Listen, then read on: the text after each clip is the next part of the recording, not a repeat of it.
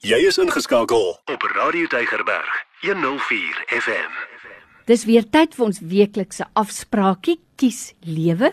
En dis presies wat ons in hierdie paar minute wil doen om jou te help om die regte lewenskeuses te maak sodat jy uiteindelik by 'n punt kan kom waar jy sê ek gaan nie oorgee aan hopeloosheid nie ek kies lewe.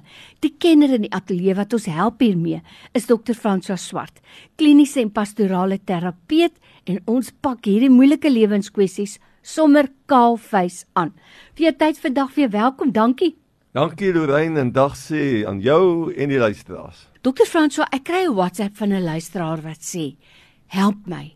Die lewe druk my plat. Ek voel nie ek het meer krag om aan te gaan nie. En dit ruk 'n mens want jy besef net as jou lewe so uitsigloos lyk dat jy dit in woorde sê, dan het jy al baie daaroor gedink en dit raak soos wat hulle in Engels sê 'n slippery slope. En 'n mens wil eintlik voorkom dat 'n persoon by daai plek kom, maar hier is ons nou. Dit is wat dit is. Waar begin 'n mens om vir so 'n persoon duidelik te maak die lewe is kosbaar? kies lewe. As 'n persoon sê hy's plat, hy voel af. Ek is gestres, ek kan nie meer nie. Is dit eintlik heilige oomblikke? In die sin dat dit is 'n sein wat daai persoon vir jou gee. Ek kan nie meer nie. En dit is 'n ander vorm van sê help my asseblief. En baie keer wil hierdie mense nie eers meer gehelp wees nie want hulle is so moedeloos want hulle glo daar's niks en niemand wat hulle regtig kan help nie. Dis dis 'n baie ernstige tipe van situasie waaroor ons praat as iemand sê hy het 'n plat gemoed of hy kan nie opstaan in die oggend nie. Ek dink die belangrike ding is in die eerste plek om daar vir die persoon te wees. Te sê, weet jy, ek het my afsprake gekanselleer nou. Ek wil graag vandag saam met jou wees en ek wil probeer net verstaan hoe het jy gekom tot op hierdie punt? Wat het gebeur? Jy het dit so reg gesê Lorraine. By die tyd wat 'n persoon sê ek is plat, moes hy al lankal daaroor gedink het. Mm. Hy moes 'n reeks goed alreeds ervaar het. En ek dink met veral narratiewe terapie wat werk met die verhale van mense, is dit belangrik om 'n paar tree terug te gee en net te sê waar kom hierdie gevoel vandaan? Hierdie gevoel van hopeloosheid, hierdie gevoel van absolute uitsigloosheid en 'n uh, hulpeloosheid en ek sien net nie kans vir die lewe meer nie.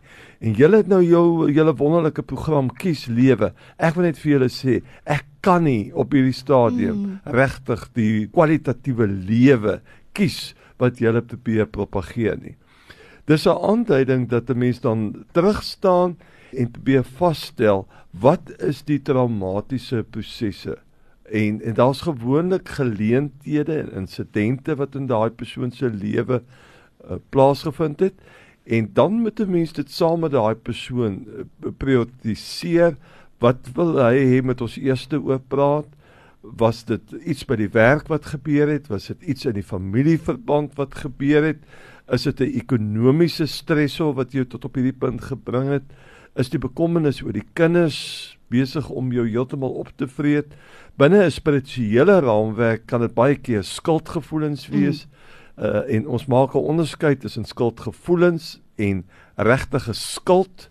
En uh, skuldgevoelens is presies wat dit sê. Dit is net gevoelens wat vir jou skuldig laat voel skuld is om werklike skuld te hê. Hmm. Dit moet jy dalk met 'n tweede persoon uitmaak en vasstel of dit werklike skuld is. Want Jesus, 'n groot deel van sy bediening was juis om daai las van ons weg te vat om skuldig te voel.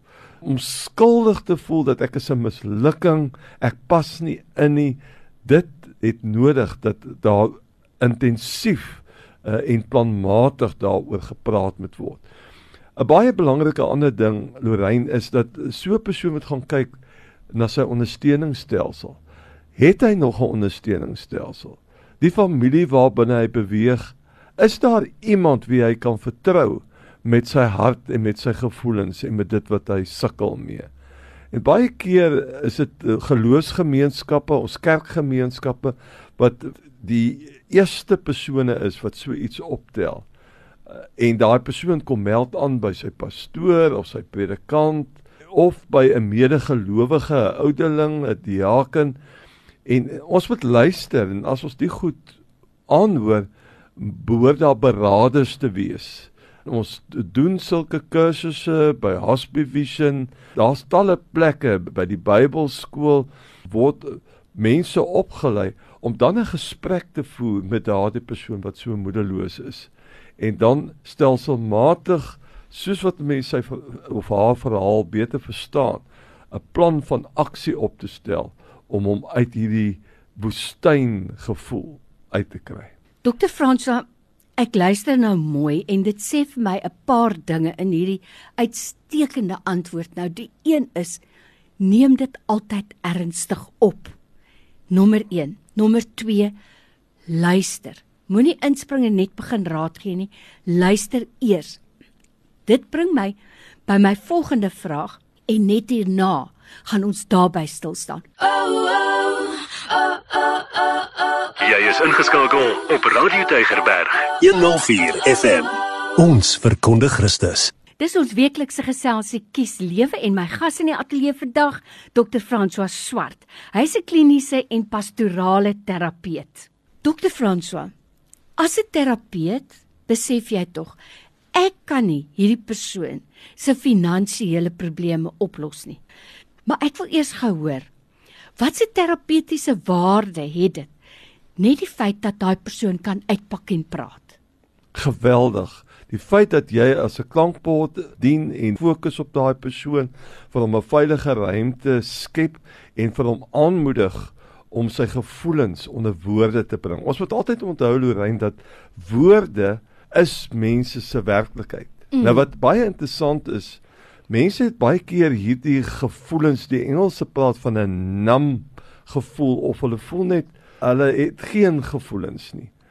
En as jy veral as jy ook met mans werk wat sukkel om hulle gevoelens onder woorde te bring.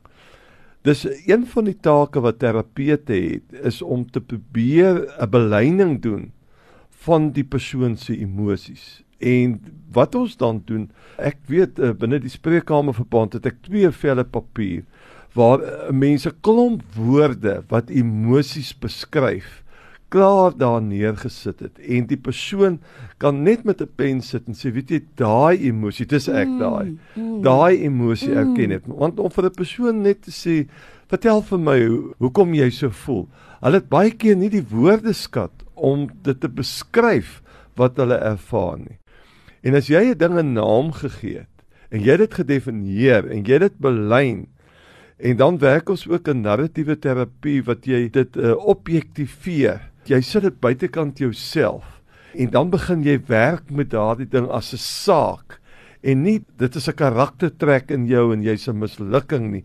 Jy objektiveer of eksternaliseer dit en dan maak jy planne saam met 'n kundige persoon wat kreatief kyk binne jou bronne Maslow ken baie van ons terapeute baie goed. Dit is 'n piramidesisteem wat Maslow ontwikkel het oor mense se behoeftes en jy kan daardie agenda van Maslow volg waar kos is die primêre ding wat eers in plek moet kom en dan kan 'n mens voelens uitstoot na geloofsgemeenskappe wat dalk tydelik kan help en 'n mens kan na die familiekring kyk. Maar daar's definitief prosesse wat enige basiese opgeleide terapeut behoort daardie metodes onder die knie te hê kragtens hulle opleiding om vir so 'n persoon op 'n konstruktiewe weg met homself en sy emosies te neem. As jy sopas ingeskakel het, dis kies lewe. Ek gesels met Dr. François Swart, hy's 'n kliniese en pastorale terapeut. Dr. François, ek vermoed dat baie keer vir my naby familie of vriende so 'n persoon want hulle weet wat die omstandighede is en is bang daar gaan van my iets gevra word. Maar ek dink as 'n mens by aanvang sê, weet jy, ek is nou nie in staat om jou finansiële probleme vir jou op te los nie. Maar ek wil hê jy moet praat daaroor en dan gaan ons vir jou hulp kry by 'n toegeruste persoon want ek wil hê jy moet gesond word. Maar dit so 'n persoon net weet, mense vermy hulle nie. Asof jy 'n pes siekte het nie. So kom ons sluit net gou positief af vir 'n persoon wat sê ek voel plat, ek weet nie hoe om aan te gaan nie. Ek sou wil afsluit. Uh, ek was nou betrokke ook uh, by die ontwikkeling daarvan en die luisteraars kan 'n pen kry. Hulle kan gerus as hulle hulp soek en hulle weet nie regtig hoe om hulle mede mens te help. Niemand jy is die eerste persoon wat dit optel en jy moet ook jou grense ken. As jy dit kan neerskryf www.myhelp